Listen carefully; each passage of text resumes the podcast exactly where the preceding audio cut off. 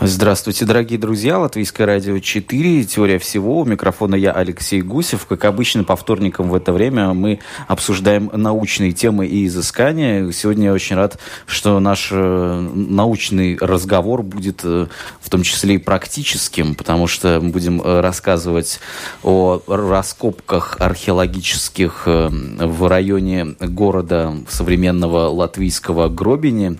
На самом деле, один из самых древнейших наших латвийских городов, несмотря на то, что живет там всего ничего несколько тысяч человек, э, казалось бы, пригород Лепы, но там побывали многие важные исторические личности и э, сражения судьбоносные происходили. В общем, и кроме того, действительно есть что там э, находить ученым, археологам и историкам. Поэтому сегодня мы об этом говорим. Отправляются туда каждый год, э, как я понимаю, сейчас в таком режиме археологические экспедиции, собственно, с участником, а также с деканом факультета истории и философии Латвийского университета Андресом Шне мы сегодня будем общаться. Добрый день. Здравствуйте. Хочу слушателям сразу только напомнить, lr4.lv это там, где можно вопросы прямо сейчас задавать, кнопка «Написать в студию», там же есть видеотрансляция, если вам интересно. Правда, сегодня мы, наверное, не будем показывать какие-то результаты раскопок. Ну, еще нет. Еще, еще нет. Но все может быть впереди. Да, Конечно. и, соответственно, может быть, позже мы телефон подключим. Хорошо, да. Гробиня, как я понимаю, вот это вот наше главное место, если мы говорим о викингах в Латвии, или поправьте меня. А, совершенно верно. Это уже а, довольно долгая традиция, а, которая отождествляет это, это место, которое совмещает довольно много археологических памятников, а как э, то место, которое в 9, в конце 9 века э, один немецкий хронист Римберт э, назвал Зебургом. И когда он писал о событиях примерно происшедших примерно около 855 года, он писал, что местные жители Курши находились под властью данов, но тогда сопротивлялись, было восстание, и потом на них, как сказать, глаз положил шведский конунг Олаф и тоже принял довольно обширный поход против Куршей. И в этом связи он упоминает два места Куршей – Зебург и Апулия. А, место Апулия сегодня мы локализуем а, в Литве, а, городище Апула. Там тоже уже 30-е годы 20 века проводились э, довольно обширные археологические раскопки, но э, то место, которое Римберт понимал под, под названием Зебург, довольно долго все-таки считалось э, неясным, где же оно находилось, что это было за место. Но в середине 20 века это место стали связывать с Гробиней, потому что там в центре находится довольно внушительные, внушительное городище. Тоже находится довольно много погреб... могильниках с погребениями, в том числе и скандинавскими погребениями. Да, чуть ли не на трех тысяч, а, трех, трех тысяч, на три тысячи мест, или как Ну, примерно так, примерно так. Статистика довольно а, а, а, скользкое дело, когда мы говорим об археологии, потому что довольно много а, а, памятников все-таки исчезло а, с лица земли, были уничтожены в ходе деятельности на, полях и, тому подобное. Но в Гробине все-таки довольно много осталось. Там несколько памятников, которые можно довольно точно отождествлять а, скандинавами, потому что там а, уже в 1929 году, когда проводились а, первые обширные раскопки, а, в которых приняли участие и латышские, и шведские археологи. Ну, под руководством шведского археолога Биргера Нермана. Вот шли. именно, да, он тогда был главой исторического, государственного исторического музея Швеции, и он уже с 20-х годов имел большой интерес к контактам истории контактов между Восточной Балтией и Скандинавией. Поэтому неудивительно, что в конце концов он тоже предпринимал несколько раскопков на территории Латвии и Литвы тоже. То есть у него была цель доказать, что на территории Гробини была колония, поселение викингов? Что? Вот именно, вот именно. Он, он считал, что это была колония скандинавов, скандинавов которые пришли, поселились э, на этом месте. Э, если смотреть на разные артефакты, которые э, нашли э, в погребениях, э, тогда можно э, так довольно приблизительно говорить, что колония, э, шведское поселение здесь началось в середине 7 века, около 650 года, и длилось примерно две столетия, до э, середины 9 века. Э, то, что после... Это мы уже с точки зрения современной сейчас говорим. Да, да. Тут да. как сегодня считается. Да, угу. да, да. В этих столетиях. То, что остается до сих пор а, неясным. А, это, во-первых, какой был характер этой шведской колонии, а, и тоже где же жили эти шведские поселенцы. Потому что, несмотря на то, что довольно много, более двух тысяч погребений были раскопаны в ходе всего 20-го столетия на этих археологических памятниках, не было ясно, где они жили, не было найдено э, место жительства этих поселенцев. Но, конечно, э, городище э, привлекает внимание как потенциально самое важное. А, Давайте да, объясним более подробно именно сейчас. Вот вы сказали, чего нет, а то, что все-таки есть, э, те объекты, которые имеются, мы, понимаем, мы уже упомянули, да, действительно, городище, крепость э, и могильник. То есть это вот то, что самое главное из того, что да, мы сейчас да, имеем, да, и то, что да, есть. Да. А, да, там а, мы можем говорить о пяти могильниках, а, в том числе в одном из могильников а, нашли когда-то а, предметы, которые относятся к позднему каменному веку даже. Так что человеки, люди жили здесь довольно долго. Это, это поселение здесь не началось в VII веке, но было уже это место заселено довольно долго при этом. Но в начале VII века это место было не слишком интенсивно да, вот а скажите, может быть, про замок тоже, потому что... А, замок это совсем это, другое это, дело. Это, это вот не крестоносцы его случайно это, вот именно, построили? Вот именно. То есть а, это совсем другой период, да, совсем другие да, люди. Да. Да. А, конечно, замок находится очень близко к городищу и к могильникам тоже, а, но замок относится э, к периоду Ливонии, к средневековой истории а, Латвии. А, он был построен в XIV веке и имел а, довольно а, большое значение а, тоже а, в новое время как одна из а, крепостей а, Курляндского герцогства.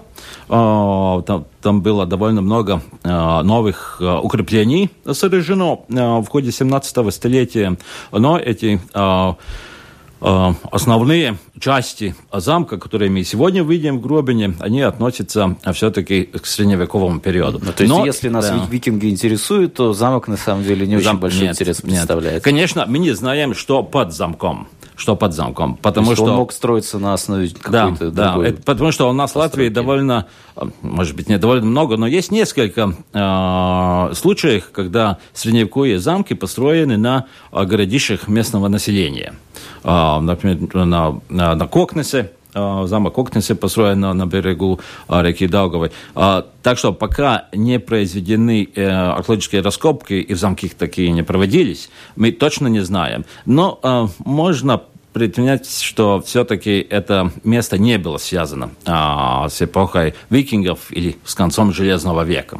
Хорошо, тогда про городище давайте поговорим. Вот что, что он, да. оно собой сейчас представляет, что там могло быть? А, городище а, наверное, было заселено уже до VII э, века, э, пока еще трудно сказать, э, было ли это поселение местным кушком поселением, но может мы, мы можем э, принять, что э, где-то в пятом веке, когда курши появились в, этом, э, в этой области, они заселили это, это, это городище, это место. Э, и потом, когда в середине седьмого века появились скандинавы, тогда некоторое время здесь жили вместе вместе бок с боком две, две общины. Одна куршская, одна скандинавская.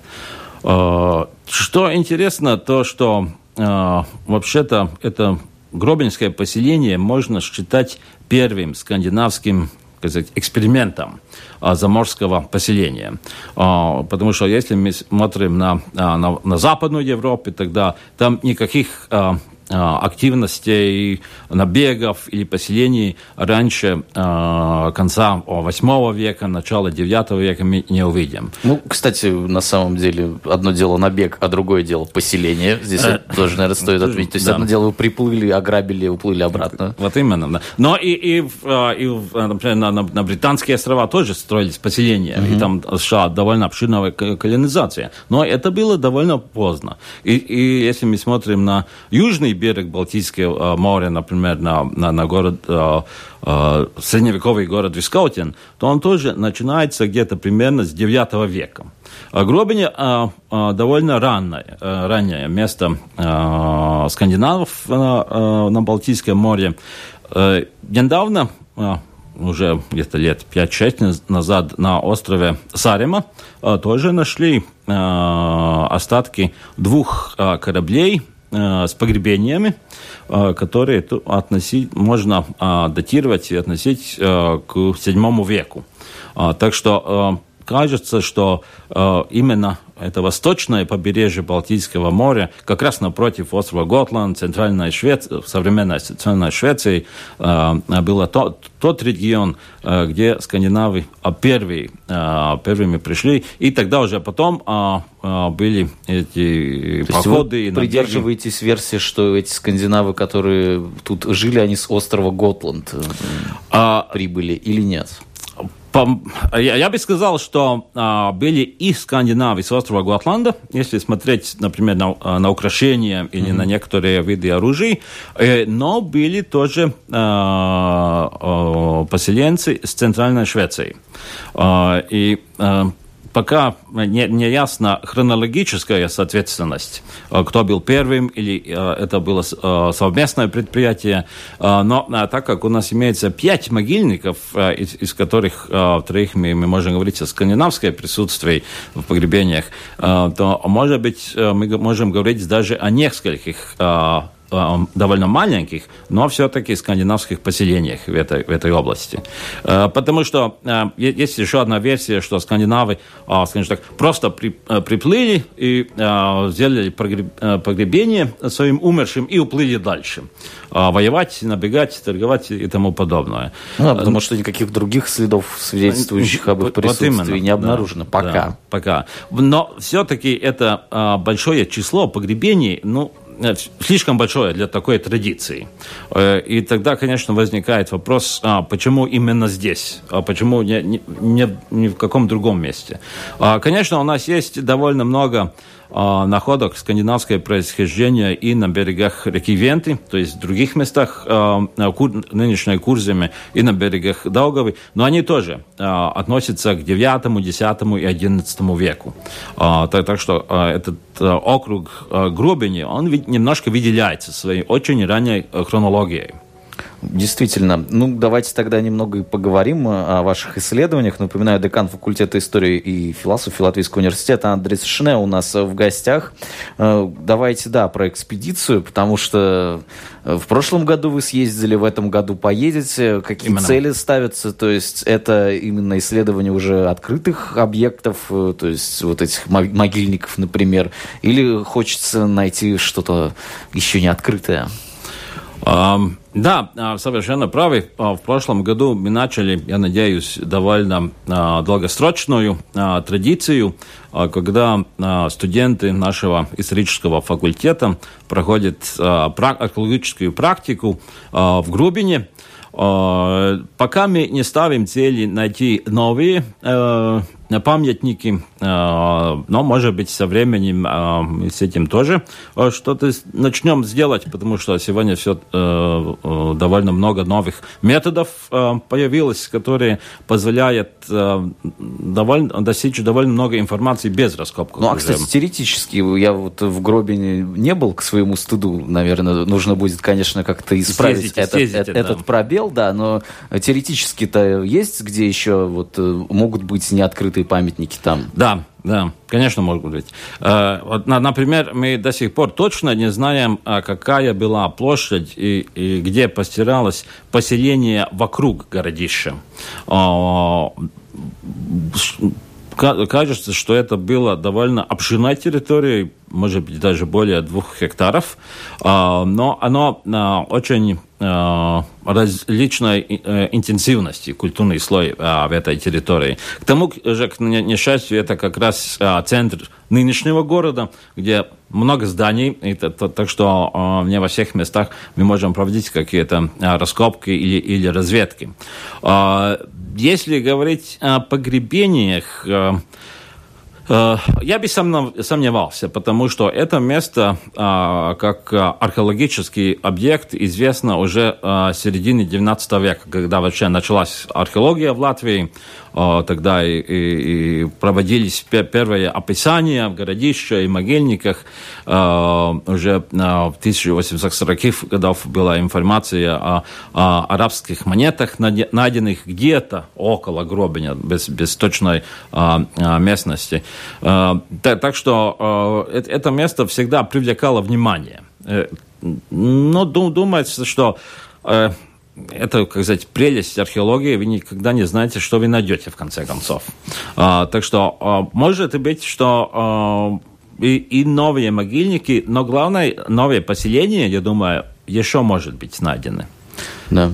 Что удалось найти в прошлом году, если не секрет, может быть? Нет, это не секрет, конечно, это не секрет. Нет. Какой улов пока? А, а, в прошлом, прошлом году мы только начали наши раскопки, а, и а, так как до сих пор, как мы уже говорили, неизвестно место жительства а, тех людей, которые были погребены, погребены в этих могильниках вокруг гробени, мы решили начать более обширные раскопки в городище и поселении.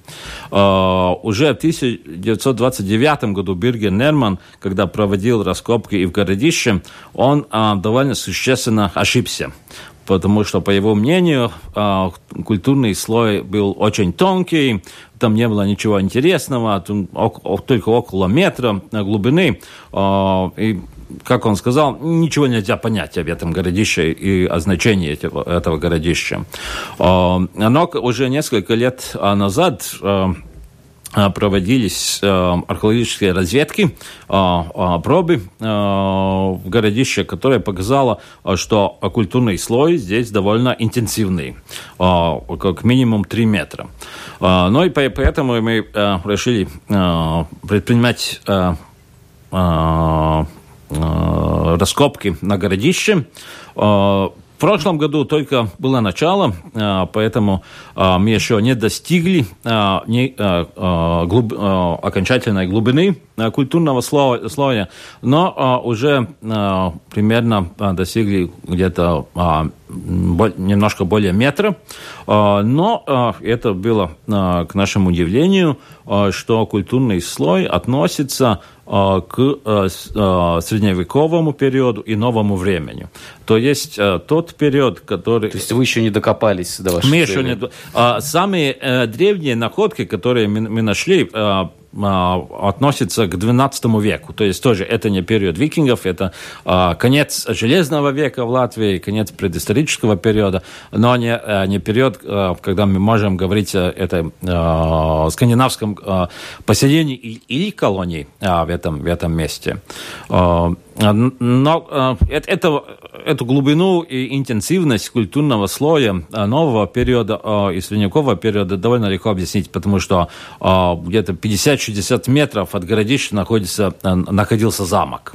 И, и конечно, это, это место, которое уже в древности было выбрано как довольно удобное для укрепления, думается, было использовано с таким же успехом и, и, и с такими же целями в новое, новое время. Нельзя сказать, что было довольно, чтобы было довольно много находок. А, артефактов мы нашли только около 200, а, которые более характерны для а, предметов ежедневного быта, ножи, осколки посуды и тому, и тому подобное.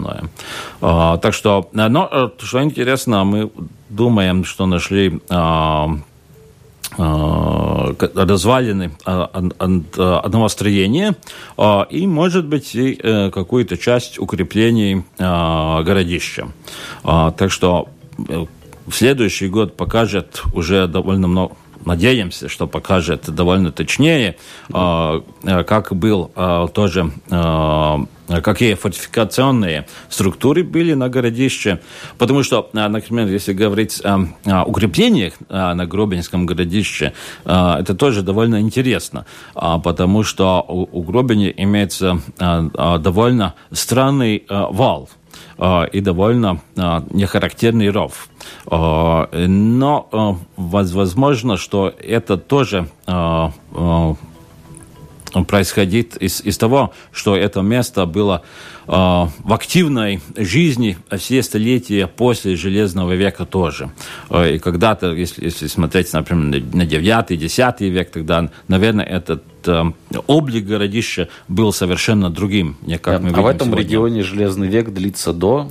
А, до конца 12 века. До конца 12 века. А, у нас в Латвии, а, в отличие от некоторых, а, довольно многих должны признаться, довольно многих государств Европы, а, мы считаем Железный век а, от начала нашей эры а, до конца XII века, когда уже начинаются крестовые походы и начинается средневековый период истории Восточной Прибалтики. Ну, и, собственно, с насаждением христианства, как я понимаю, принято. Включая и христианство, ага. и, и, и каменные замки в том числе, угу. и, и письменную культуру, и всякие другие хорошие, в том числе... Э, да, ну сейчас мы немного отвлеклись, э, да, и все-таки напомню, что, ну, о викингах в Латвии мы в первую очередь говорим, и, я понимаю, кропотливая работа историка и археолога, но в этом году вы надеетесь докопаться все-таки. Думаю, что да, думаю, что да, думаю, что того да. периода. Да, да. Замечательно, сейчас на небольшую паузу уйдем и совсем скоро вернемся в прямой эфир. Все важное и новое из мира науки в программе Теория всего.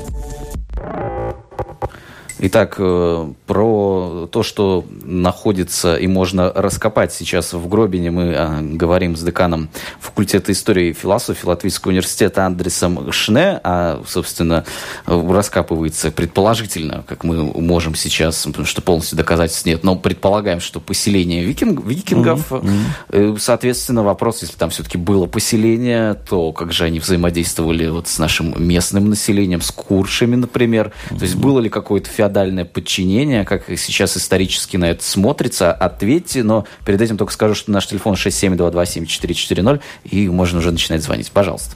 А, да, э, это тоже было а, довольно а, распространенное мнение. Некоторые а, десятилетия назад и, и в советское время тоже, например, а, что а, там было почти такое колониальное господство скандинавов во всей, э, во всей, э, во всей территории Курземе даже. А, но а, кажется, что э, как раз о, о такой господстве мы говорить не можем а, и находки в Гробине, и находки у берегов Венты и Даугавы говорит об очень интенсивной торговле, всякими а, разного рода контактами. Но Гробеня выделяется тем, что здесь все-таки совместно жили э, две разные культурные группы, и скандинавы, и, и курши. В одном из могильных их можно проследить, как, начиная э, с начала IX века до середины, э, конца IX века, постепенно уменьшается характер э, эти характерные черты скандинавских погребений, и, и они становятся более и более местными. А, то есть, наверное, можно, можно говорить о культурной ассимиляции э, э, пришельцев в местное сообщество. Возможно тоже, что к середине IX века для скандинав, э, скандинавов Гробиня уже не представляла интереса. Тогда уже для них э, главной, главной целью были восточные рынки, восточные э, территории, Древняя Русь, арабский калифат, Константинополь.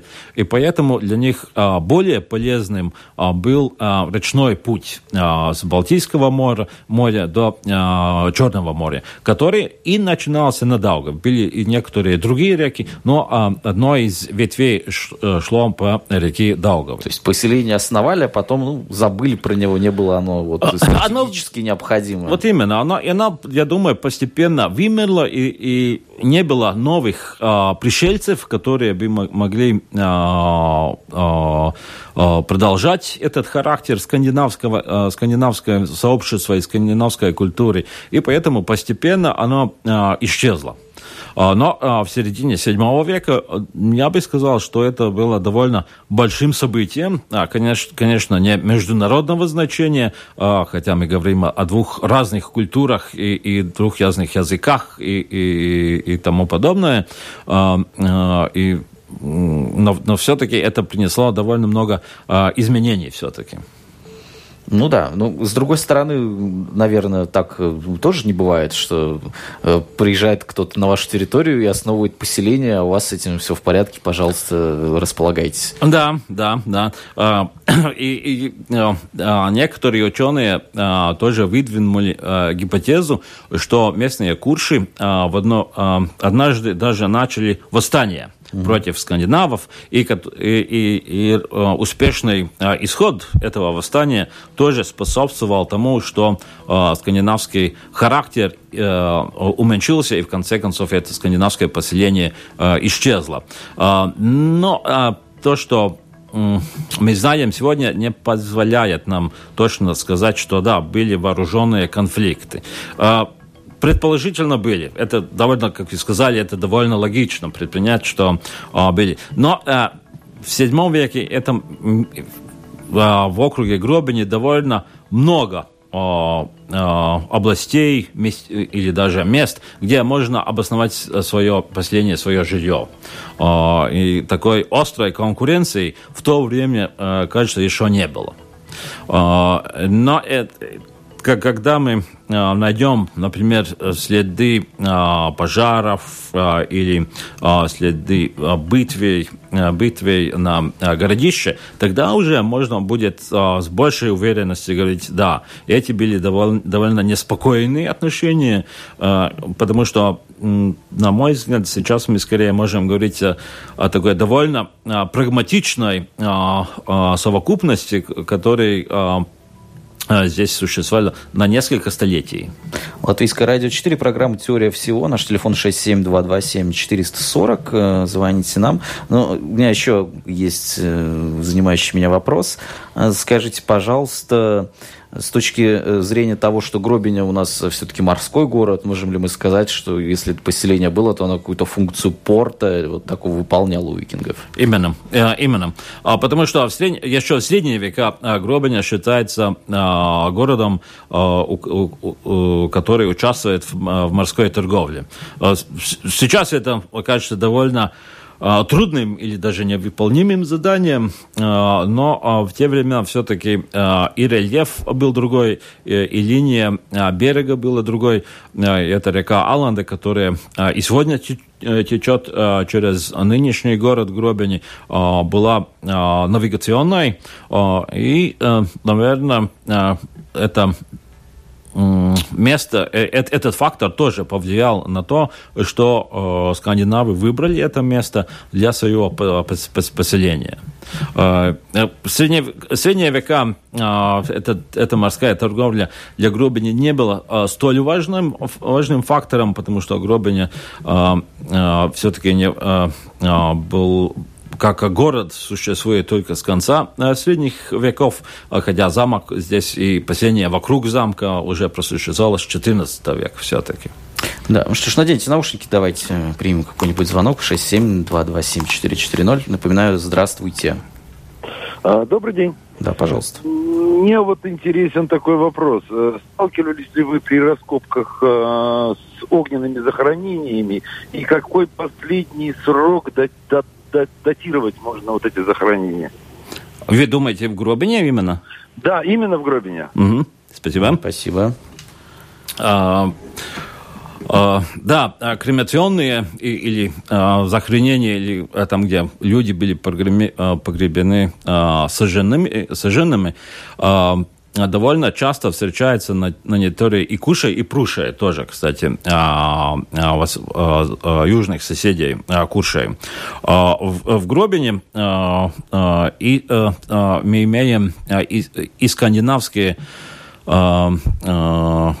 эти кремационные погребения и скандинавские, и местные скелетообразные погребения. Так что там довольно большое разнообразие разных погребальных традициях.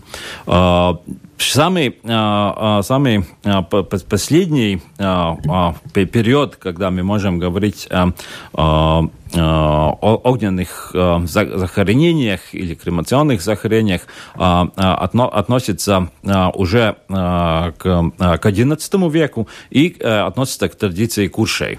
Потому что в конце Железного века местное население опять постепенно переходило на этот ритуал сожжения своих умерших, умерших людей. Что ж, да, если мы, кстати, действительно мы не уточнили этот момент, э, все-таки любопытно, да, столько много могильников. Это э, в первую mm-hmm. очередь воины там погребены или вот э, разные люди? Разные, совершенно разные люди, совершенно разные, разные люди, а в том числе и, и женщины, и, и дети, а, и мужчины, а, и с а, а, вооружением, а, и, и, и, и тоже а, есть погребение, где а, было найдено только несколько артефактов, а, которые были положены а, в погребальную яму или сожжены вместе, а, вместе с умершим. А, там имеется довольно а, обширный, обширный материал.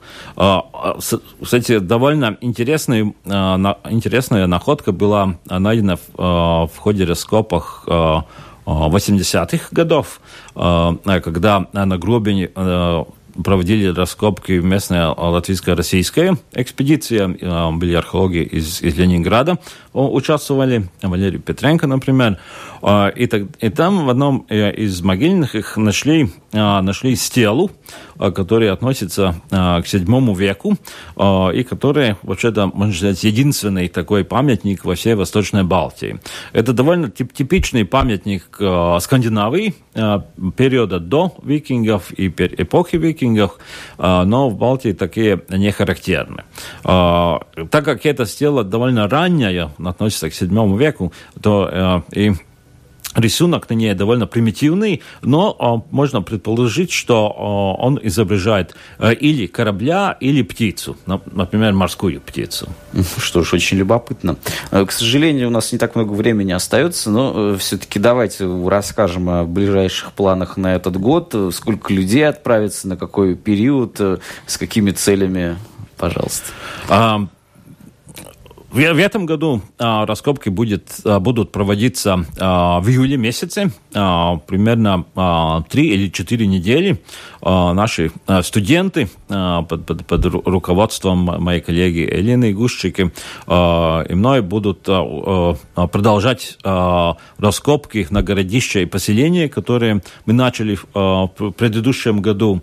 А, и это а, в, этом, а, в этом году и наша главная цель а, достичь достичь э, окончательной глубины культурного слоя, а понять э, эту структуру или, как мы говорим, стратиграфию э, культурного слоя, которая потом уже позволит датировать разные слои. И надеемся, что там мы найдем и ответы, кто в конце концов жил на городище, и, и какие были отношения между местным населением и пришельцем из Скандинавии. Потому что можно даже предположить, что в Скандинавии городище были, было только куршским. Это тоже может случиться в конце концов. Да, ну будем надеяться, что у вас получится докопаться до истины Надеемся. в прямом смысле этого слова, хотя Спасибо. Э, не обязательно, конечно, докопаться, потому что всем хорошо известно, что после того, как археологический материал получен, очень большая работа предстоит э, уже вне полей по периодизации, хронологии, ну вообще понять, что это такое. Вот именно.